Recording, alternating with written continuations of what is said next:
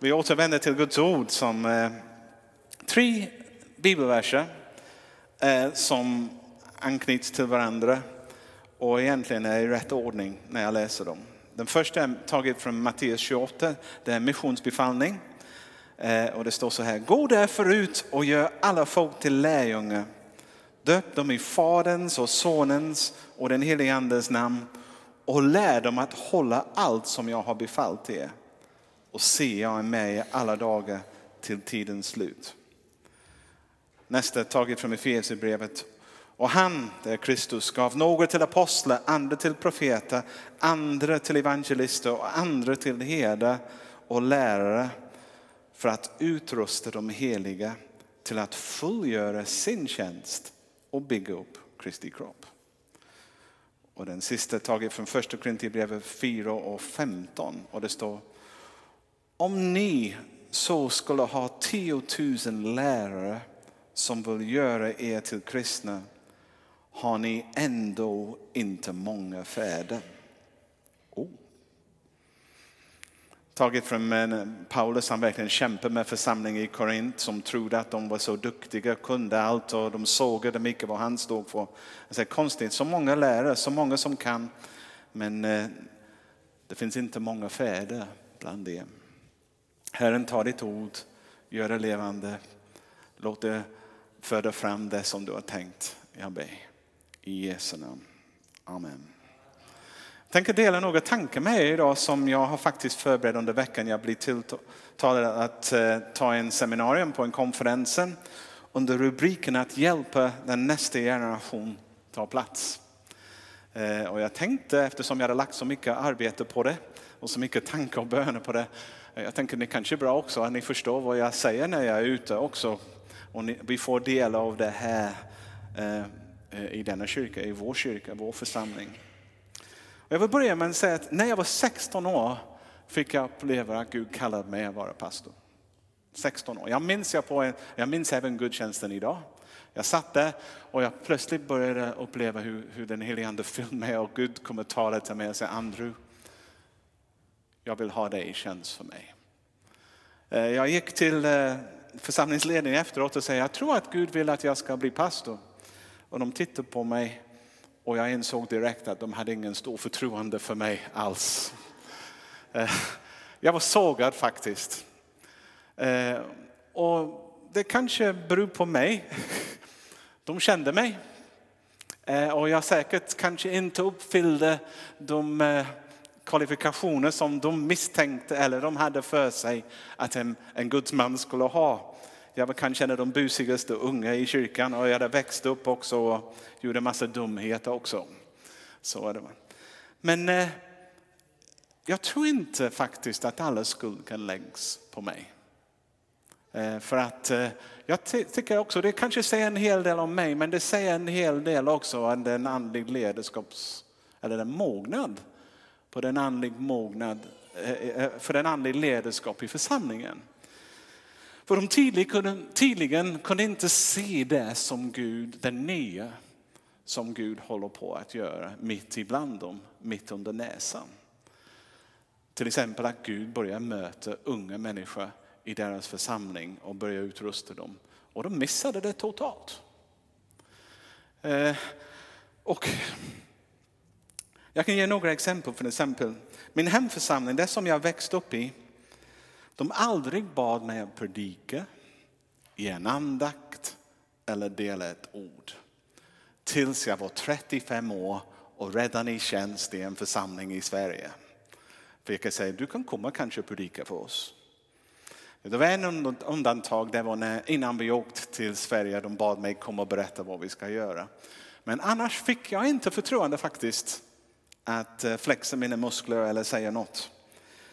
Och sen, jag flyttade från denna församling när jag var 18 år och började jobba i den församling som eh, började, förlåt, till, tillhöra en församling som skulle forma mig kanske mest under mina formativa år där. Och det var samma sak och jag minns jag var med på ungdomssamlingar vecka efter vecka och till slut jag, jag kände som, jag har så mycket som jag vill säga, dela med mig. Och det fanns en äldste broder som var ansvarig för den här samlingen och det var många ungdomar, vi pratade om kanske 60-80. Och de här ungdomssamlingarna. Och jag gick till honom och sa till honom, eh, du, eh, jag skulle gärna ta en andakt någon gång på ungdomssamlingen. Får jag göra det? Och han tittade på mig och jag fick den blick igen. Som, som tydligen talade att, vem är du typ? Eller vågar jag släppa fram till dig? Men eh, Gud måste vara med för han gav mig ett datum. Och jag fick min första andakt eh, eh, bland ungdomar. Och det gick bra. Jag kan se att han var förvånad också. Och inte minst jag. Men det gick bra. Och jag blir så uppmuntrad. Du kan bara säga att först hade jag sökt Gud om ett ord att dela. Sen fick jag säga det och se att de lyssnade. Det har alltid förvånat mig att folk lyssnar till mig, men de gör det. Ni gör det. Några av er sover jag se, men, men för det mesta. Och sen i den församlingen också, jag fick den göra det flera gånger, och, och men predika vill jag. Och, och, men vi hade problem. Den enda gång du kunde predika var om församlingspastorer, och vi hade två stycken, var, var på semester eller sjuk. Och de har gjort upp det så att när var en var på semester, den andra var inte det. Och det var inte så snällt egentligen för oss som brann och vill göra någonting. Och jag försökte komma fram till predikstolen men det var vakters med, med, jag vet inte vad det var. Men de gånger jag gjorde det upplevde jag att det funkade och, och att det var hur bra som helst. Enligt vad jag tyckte i alla fall.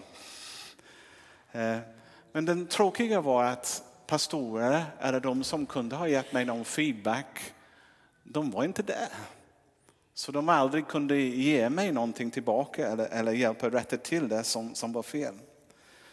Jag blev desperat så jag anmälde mig till, well, jag satt mitt namn på en lista av predikanter som små församlingen kan, kan be om att gå och predika för dem under deras gudstjänster. Och under flera år var jag ut regelbundet över hela nordvästra England till olika små kapell och, och predika. Och det var där jag lärde mig min konst, eller, eller försökte i alla fall.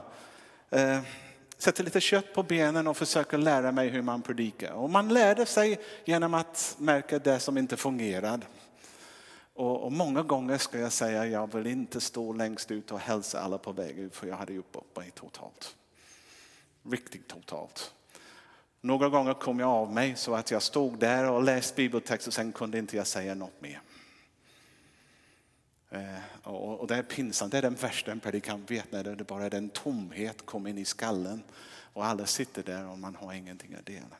Jag minns en gång en, en stor kyrka faktiskt jag kom till och de hade en, en, en eh, eh det var, podiet som var lite grann som det, lite större och det hade ungefär samma färg på mattan och sen hade det en, en upphöjd delen som läktaren stod som du skulle predika från. Men vad de hade missat var att sätta den lista runt kanten som du märker att det, det är kanten. Och jag minns att jag började predika och sen plötsligt tog jag ett steg tillbaka till ingenting. Så jag landade platt på, på ryggen och jag kunde se kyrkan försökte inte skratta.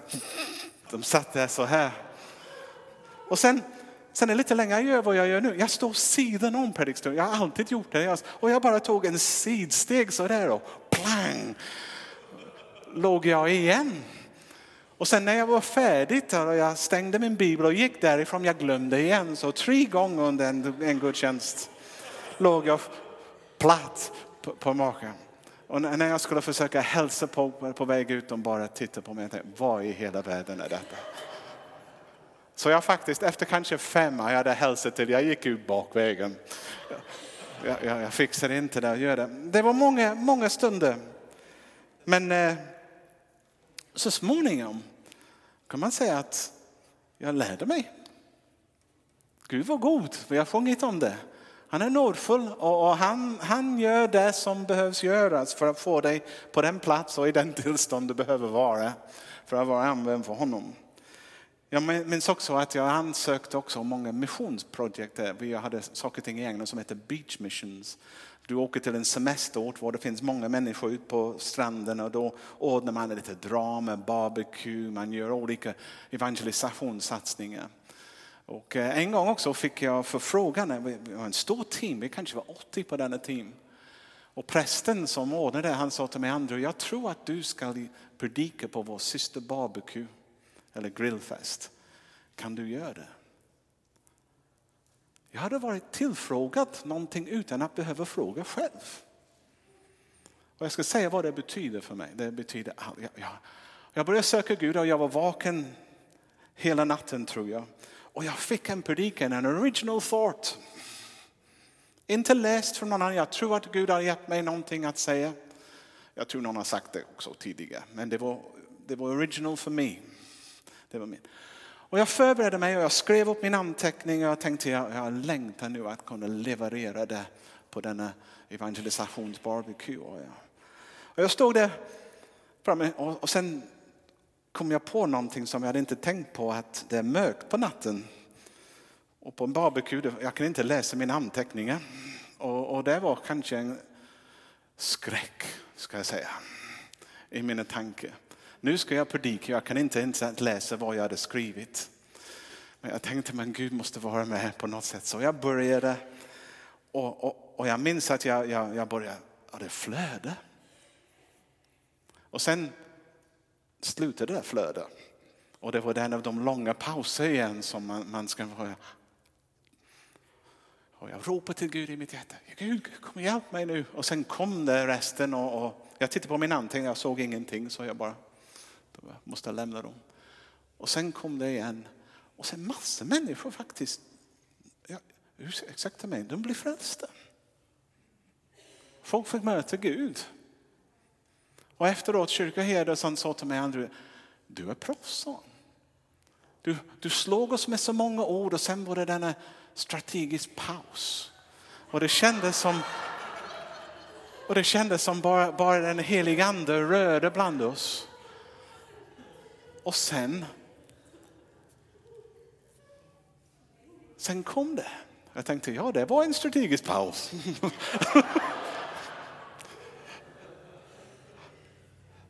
Hemskt.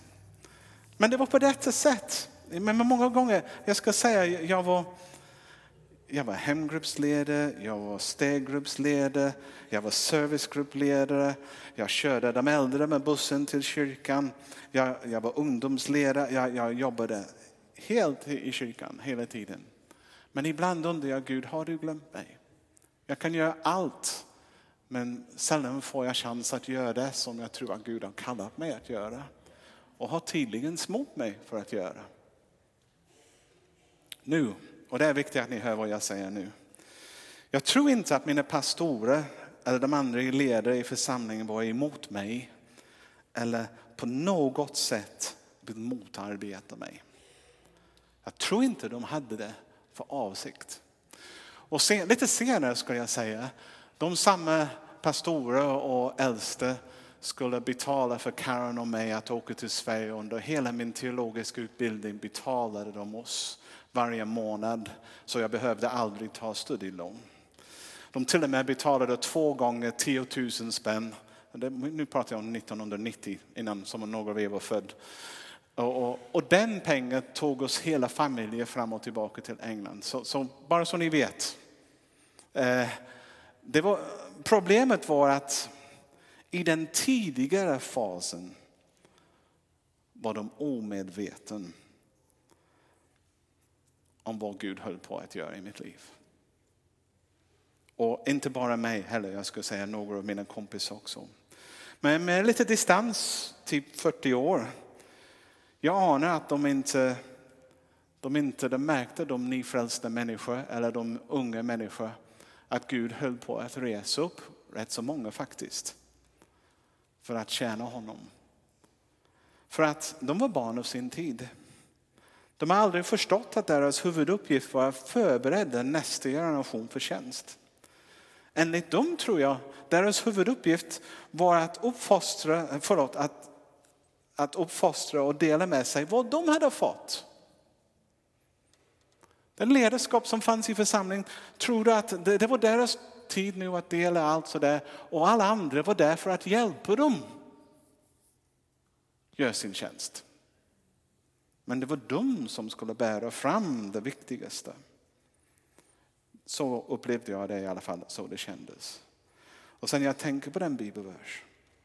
Och han, Kristus, gav några till apostlar, andra till profeter, andra till evangelister och andra till herde och lärare för att utrusta de heliga till att utföra sin tjänst och bygga upp Kristi kropp. Det största som händer i denna församling är inte det som äger rum på denna predikstol på en söndag. Det är vad händer med er under veckan när ni lever ut i er tro. Fattar ni det? Det är den viktigaste. Och den viktigaste är inte vad, vad äger rum här. Egentligen, John Wimber sa the church is the training place for the marketplace. Kyrkan är platsen var vi utrustas och tränas för att leva ut det och fungera i en levande kristen tro på vardagen. Men ibland i kyrkan vi tror att det viktigaste händer här inne och det är allt som ska ske. Och så är det inte. Men jag måste säga, allt har inte varit jobbigt. Eh, jag har träffat flera människor under min tid som, som har sett mig, som, som har uppmuntrat mig, som, som har, har, verkligen tagit tag i mig och, och, och försökt ta bort de kanter och, och ändå uppmuntra. En av dem var min första tjänst. Jag hade förberett mig så noga jag kunde för att vara pastor. Och min första tjänst i Vargön när jag ser tillbaka, jag, jag, jag förvånas att jag inte fick sparken. Ärligt sagt. Jag hade ingen känslighet egentligen för, för den kultur som jag rörde mig med. Eh, och gjorde saker ibland som var så dum som man kan göra. Men det fanns en ordförande där, han var 72 år gammal, han hette John Norlin. Nu är han hos Herren. Och han han skulle avgå som ordförande, men när han såg att jag kom, han tänkte lika bra jag stannar kvar ett tag. Han sa det till mig efteråt, han tänkte Andrew kommer behöva, jag kommer behövas här lite. Och jag ska säga, han var fantastisk, han gick sidan om, han aldrig försökte skälla ut mig när jag gjorde bort mig. Han hade den underbara sätt att säga till mig, Andrew, hur gick det tror du? Och jag sa, jättebra! Och sen när jag var på väg hem, jag tänkte, varför sa han det undrar jag? Vad var det som han såg som inte jag såg? Så nästa gång jag träffade honom, jag glömde fråga, vad, vad tyckte du om det? Eller vad, vad såg du? Och sen, sen började en relation byggas. Eh, och han var för mig. Ibland gjorde jag dumma saker och församlingen var lite arg på mig. Eh, och, eh, och varje gång på en församlingsmöte när John skulle gå till mikrofonen, jag, vet, jag visste flera gånger att min framtid låg i hans händer när han gick till mikrofonen. Och flera gånger han sa att Andrew kanske har en konstig sätt att säga det eller utföra det, men i, i botten är han rätt. Och det ska vi lyssna till och följa efter. Och jag tänkte, åh jag älskar denna mannen. jag älskar honom. Och en gång vi hade möte när, när och jag, jag, fick för mig istället för att predika eller sjunga eller något, vi skulle bara alla stå upp och be den helige ande komma. Och efter 15 minuter hade han inte kommit. Och folk började skaka i knä, men det var inte för att den helige ande kom, de började bli trötta. Och jag tänkte, men vi kan vänta några minuter till. Kanske vi måste visa vår, vår, vår hunger. Så jag, jag bad och sen efter en halvtimme började jag ana att kanske han skulle inte komma. Men jag kom på ett underbart ord. Jag sa, men om vi har väntat mer än en halvtimme för en buss, eller hur? Vi kan vänta mer än en halvtimme för, för Gud att komma. Och eh, han, han, eh, en kvart till gick och sen efter tre kvart började jag fatta att jag hade gjort bort mig fullständigt. Och alla, det var också en ekumenisk gudstjänst och alla församlingar, alla kyrkor från området var med samlade i det. Och de tänkte vilken konstig engelsman de hade där som pastor. Och eh, jag skrattade. Det var inte, jag skrattade inte, jag började tänka hur kommer jag ifrån detta? Hur kan jag, hur kan jag rädda min skinn nu? Men jag, jag, gjorde vad alla pastorer gör när de vet inte vad de ska göra. De ber lovsångsteamet komma upp och spela någonting. Så jag bad eh, Håkan han som kommer. Han tog piano. Har ni sett filmen The Titanic när de spelar och fartyget sjunker? Ungefär så var det. Och en efter en lämnade folk salen med skakande huvud så här. Och de verkligen skakade på huvudet. Och när, när de gick ut jag ropade, kanske bussen kommer i natt.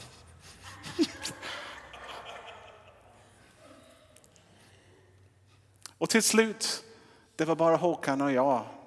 Jag satt på trappan den här så ungefär och han spelade på flygel och sen han kom förbi mig och gjorde så här på huvudet och gick ut. Och jag var helt förtvivlad. Gud, jag vill ingenting annat än du kommer och du kom inte. Det var inte smart. Det var på helgen och sen vi hade en äldste samling följande torsdag och jag hade skrivit min avskedsbrev till dem. För jag kände, ja, vad, vad har jag gjort? Församlingen nästan måste skämmas för sin pastor. Så den första jag gjorde nu när jag kom till, till äldstekoren var jag sa att jag, har, jag vill börja genom att säga, jag förstår att jag har gjort bort mig. Jag har förstått att, att det var inte smart. Jag ber om förlåtelse och jag är fullt beredd att ta ansvar för det. Jag, jag, jag avgår. Det var dödstyst och alla äldste satt och tittade på bordet så här. Tills John reste han sig och sa Andrew, fortsätter han sa. Om inte någon pressar in, om inte du gör det, kommer ingen annan att göra det. En dag kommer Gud. Jag är bara glad att jag har en pastor som försöker.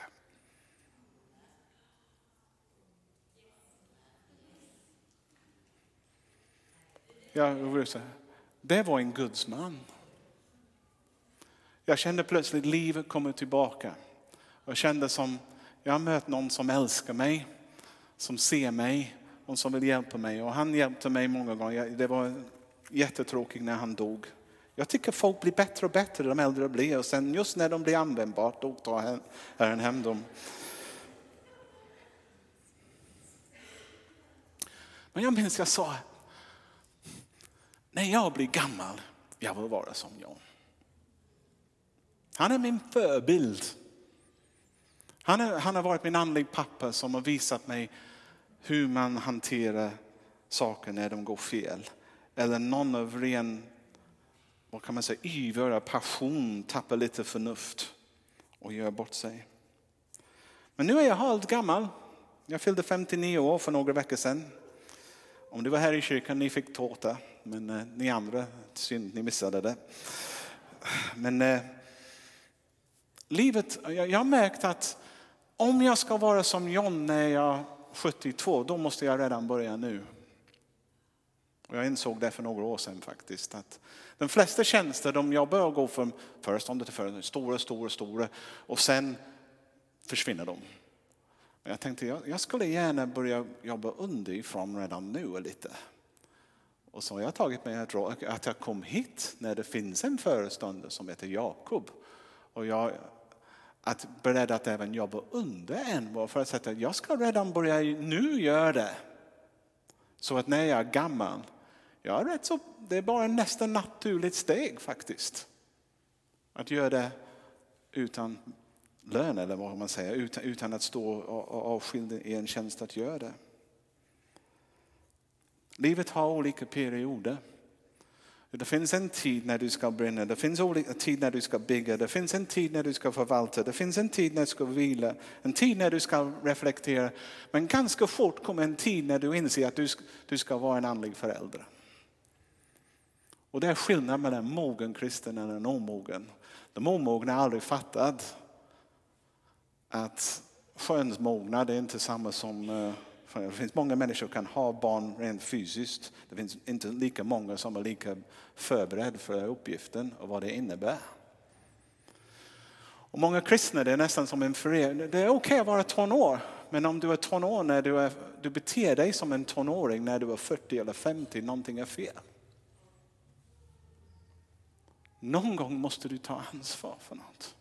Och det är när du börjar ta ansvar för någon annan människa inte bara för en verksamhet som du kommer uppleva att Gud faktiskt rör vid dig på djupet av ditt hjärta och du kommer växa mer än du någonsin och kunnat tänka och drömma sig.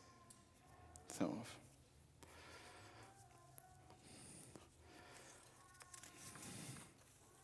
Förr eller senare kommer man på den punkten när du bara vet att du är en förälder. Det saknas andliga föräldrar i Guds församling idag. Och det tror jag, jag ska vara ganska provocerande nu säga, det är för att tidigare generationer har inte satsat på lärjungaskap. För mig finns det ingen skillnad mellan att hjälpa nästa generation eller nya kristna ta plats och sann lärjungaskap. Det är samma sak.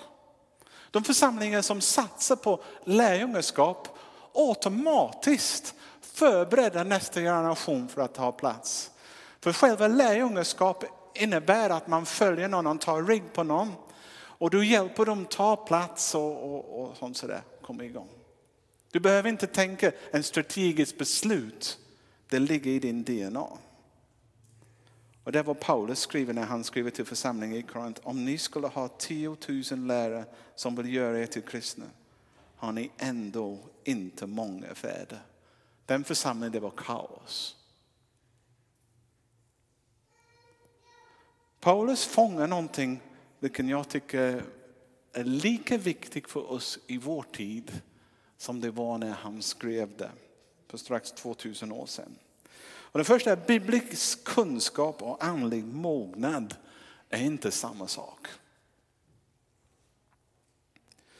Bara för att vi är den mest informerad generation som någon, någonsin har, har gått på denna planet betyder inte att vi är den smartaste generation som har någonsin gått på denna planet. De två sakerna har inget med, med varandra att göra. Det betyder inte så. Vi kan veta hur någonting fungerar utan att kunna faktiskt göra det själv. Jag hade det i Stockholm. Stockholm det kostar fruktansvärt mycket pengar att skifta hjul. När jag var där för fem år sedan, nej, två, tre år, de tog 650 spänn för att skifta hjul. Och Stockholm är så tokiga och dum, de kan inte göra det själv. Och jag, hade, jag hade en kille som var jättesmart, jättehögutbildad. Jag sa, men gör det själv. Så han läste sin bok och och han, han sa att jag, jag kan göra det nu. Jag sa, men kom, kom förbi, du kan göra det hemma hos mig. Och jag tittade på honom. Det var väldigt intressant. Han lyfte upp bakluckan och försökte först hitta verktyget, domkraften. Och jag såg hur han funderade var han ska placera. Han har inte en aning. Jag sa, det finns en liten vid där. Du stoppar det där och vrider upp det. Och jag såg att han försökte vrida. Det var hårdare än vad han hade tänkt. Och sen när han hade gjort det, jag sa, men ska du inte lossna nutterna först? Det kommer bli lite jobbigt. Så han tog, vad kallas det, wheelbrace på engelska. Han försökte att lossa, men det var jättehård. Alltså, hur gör man det? Jag sa, du stompar på det. Du använder fötterna. Och sen han, han hade den som tillhörde bilen som ser nästan som plast så det var slängde och köpa en riktigt. Så jag, men, han stod, och sen när han hade fått alla, bort, alla bultar bort, han fortfarande kunde inte få hjul, hjulen satt fast. Så jag sa till honom, vad ska du göra nu? Han sa, han försökte dra, nej du gör inte, du sparkar en sida så hårt du kan och sen, sen ramlar det av. Så, så, Okej, okay. jag försöker säga, det är en sak att läsa boken och instruktioner, det är en helt annan sak att göra jobbet. Och om han hade bara sagt till mig, får jag titta på hur du gör det? Då kan jag ha hjälpt honom. Men mer, det var mer eh, underhållning för mig. Att se det. Och, och, och säger, låt oss ta det ner på Du kan rätt teologi. Du kan din bibel. Du, du, det är fullt möjligt att du kan till och med ha en bra kunskap hur en församling ska fungera, hur ett kristet liv ska leva, men ändå inte leva ditt eget liv på ett basnivå av en lärjunge. Kunskapen och själva vet hur är två olika saker. Helt olika saker. I kyrkan vi, vi bjuder, erbjuder olika program för att hjälpa människor växa i tro. Men jag skriver så här, ett program kan aldrig ersätta en handledare av kött och blod som vandrar med dig. till och med varit i församlingar någon har blivit frälst och de säger, oh, ja, det var under våren, säger, vi startar en ny alfakurs under hösten. Alldeles för sent. En alfakurs är inte svaret, en betakurs är inte svaret eller delta, vad än ni vill ha. Vad är svaret är en människa som är beredd att ta ansvar för den människan, vara medvandrare med dem och hjälpa dem genom livet. Hittar de en sån är förutsättningar fantastiskt för deras andliga utveckling. Om de inte hittar en sån, risken är ganska hög att de kommer falla bort ganska fort. Och nu, nu det går fort. En förälder och en lärare de ska komplettera varandra, de kan aldrig ersätta varandra. De har olika roll och tänker på ett annat sätt. En lärare vill egentligen överföra det de kan till dig. Men en pappa eller en mamma, jag kan bara prata för min pappas skull, jag ska inte försöka föreställa mig som Karen, hon tänker kanske lite annorlunda, förmodligen väldigt annorlunda. Jag har upptäckt efter vi har varit gifta, faktiskt det var vår bröllopsdag igår. Och vi kom på det. Och vi kom på det på vägen hit till kyrkan idag.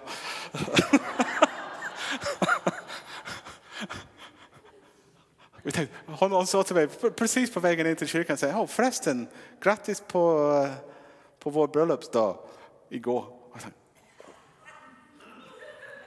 Men det kändes bra att hon glömde det också. Men jag vill säga, en pappa är inte så intresserad, av, till exempel jag hade tre olika barn och de har olika behov. Och, och jag försöker inte bara göra dem som maskiner, eller de alla kan vad jag kan.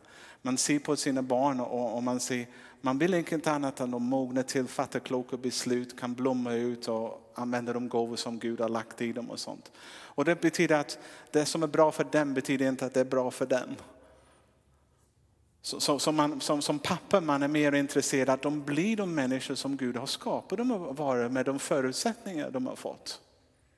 Det handlar inte om att bara överföra kunskap eller en färdighet. Det, det betyder det är mer viktigt att hela paket funkar. Och att de vet att de är älskat. Och du finns alltid där. Även när deras pojkvän har sparkat dem eller någonting annat. Eller livet har inte gått som det är. Du, du är med dem på ett helt annat sätt än vad lärare på skolan är, jag lovar.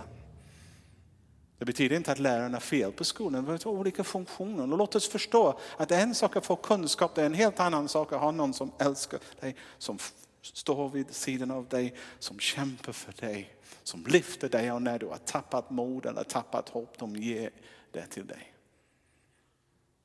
Det finns en helt annan skillnad. Med dem. Jag ska säga, det ger väldigt mycket tillbaka att göra det. Det leder mig till en mycket viktig punkt. Och jag ska säga lösningen är inte att lämna över till den unga människan eller den unga generationen. Lösningen är att återupptäcka sambibliskt lärjungaskap.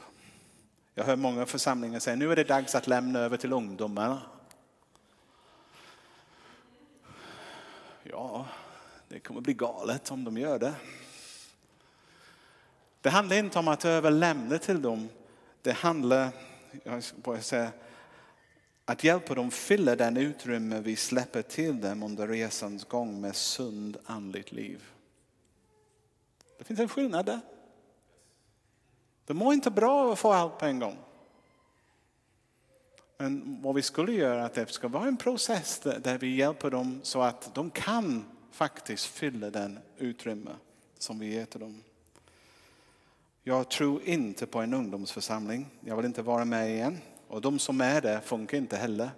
Det fanns en som hette Soul Survivor som var väldigt stort för 80-talet. Eh, Det var ungdomar.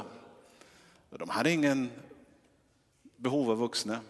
Men problemet var att flera av de unga hittade varandra och gifte sig och fick barn och sen plötsligt behövde de en söndagsskola.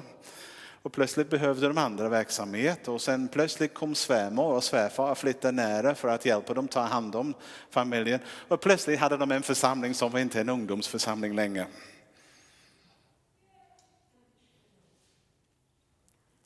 Vi, svaret är inte det. ungdomens energi och fritänkande behöver kompletteras med de äldres vishet och stabilitet.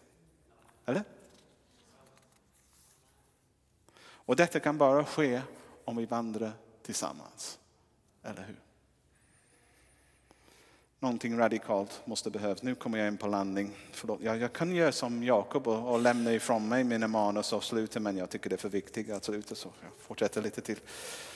Jag var så arg på honom ibland. Jag just, han har just fångat mig och sen han slutar. Vad är det för något? säger jag till honom under veckan.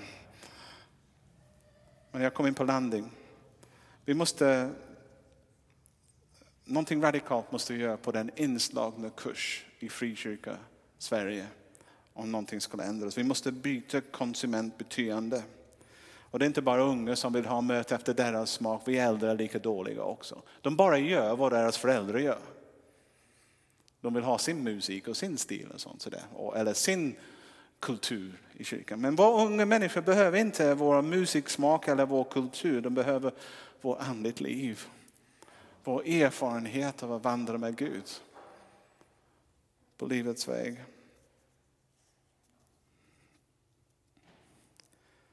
Och, och, det betyder att vi måste titta på andra med en helt annan blick. Och jag är glad att tillhöra en församling som vi har tisdag, gudstjänst och torsdag. Vi, vi har faktiskt flera möjligheter att ge människor prov.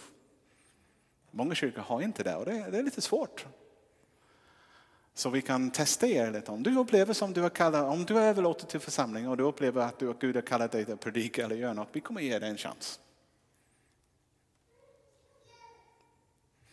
För jag vill inte att ni upplever vad jag upplevde när jag var ung. För jag har lärt mig från deras misstag. Och ni kommer när ni är äldre, ni kommer säga, jag kommer inte göra vad andra gjorde. Du kommer se mina misstag också och du kan förbättra det som jag har gjort. Nu jag ska säga, jag vet. Det finns en uttryck som jag har.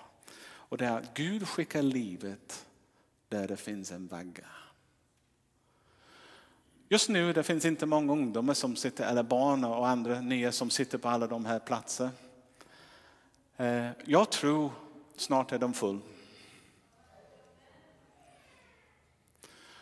Och en sak som vi kan göra som kan skynda på den processen, om Gud ser att här finns en församling som på allvar är beredd att ta hand om, om nya kristna unga människor. Han letar efter platser var han kan skicka dem. Men det finns inte många som är beredda faktiskt att satsa på någon annan. Det finns många församlingar som är beredda att lägga ut mycket pengar för häftiga verksamhet. Men hur många församlingar är fyllda av människor som är beredda att ge sitt liv för en annan? För det kräver tid. Och det, kräver, det kommer tär på vår bekvämlighet. Och sen när vi låter någon annan predikar som inte kanske är vana att predika och, och gör saker som inte är vana att göra det. Det är lätt att tänka, jag vet till exempel, alla älskar en erfaren tjänst. Ni hellre lyssnar till en erfaren predikant än en ny, eller hur? Ni ska hellre lyssna till Céline Dion sjunga än en, en, en, en liten flicka på dagis, eller? Kanske inte. Men förstår ni skillnaden? Någon som har ut, jobbat i sin tjänst och över där för någon, de är bättre. Mycket bättre. Men om vi bara tittar eller försöker ta emot vad de ger med tanke på konsumenttänkande, då missar vi hela poängen. Vi måste titta på dem som gör saker med och se potentialen och kalla fram det. Det är det som, så, så vi måste kunna sitta och glädjas. Okej, okay, det är inte den proffsiga framförande som jag lyssnade till nu. Men jag kan se om några år, den personen kommer bli jätteduktig. Är jag beredd att hjälpa dem bli det? Är jag beredd att satsa? De pratar om gamla vin. Man kan inte slå nytt vin i nytt vin, vinsäckar. Jag hade det intressant predikan igår kväll på en konferens jag var med. handlade om det. Och jag hade redan sagt det. det Nytt vin skulle spränga den gamla, men det står i texten att den gamla vinet är mycket bättre. Och det är det. Men om du inte vårdar och lagar det nya vinet, då har du ingen gammal vin så småningom. Så min fråga till Linnékyrkan.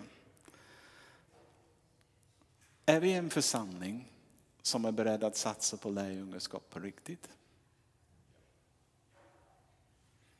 Tack. Han är döpt sig, jag har redan fattat det. Först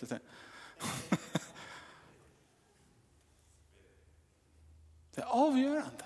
Och jag tror att den helige ande säger, jag vill välsigna er med många människor. Men jag måste veta att ni är med på vad det innebär.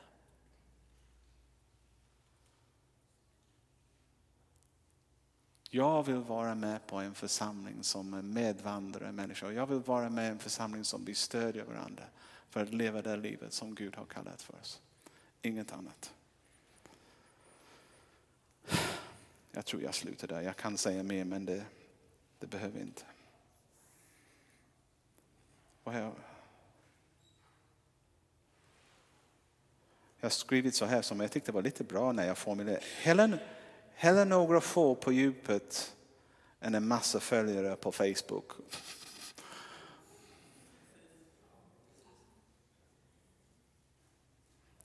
Jag, jag, jag är nöjd om, om några få tar ryggen på mig och jag kan investera i dem hellre än att ha många som gillar mig. Är du det? det här, då är ni kanske beredda att ta nästa steg i ert liv. Spännande äventyr på Guds expedition. Att forma ett folk som förvandlar världen. Det är vad vi är kallade för. Ska vi stå på och be?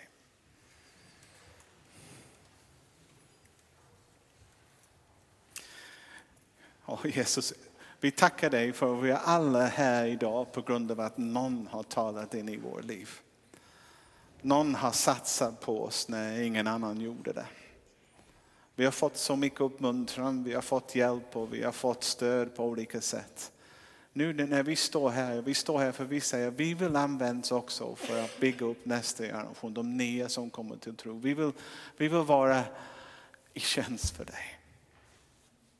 Och jag ber att du hjälper oss nu. Kliv in i den biten, Jesus. Jesus. Och Herren, öppna våra ögon så vi ser potentialen. Så vi går förbi, speciellt, jag ber Gud också, de som växer upp med oss och vi lätt missar. När vi ser förändringen när de börjar mogna till.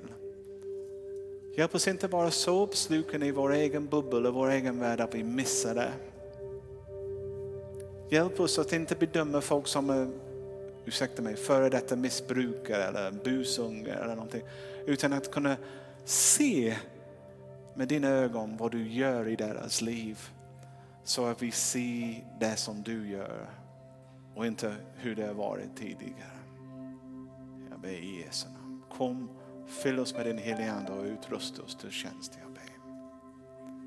I Jesu namn. Amen.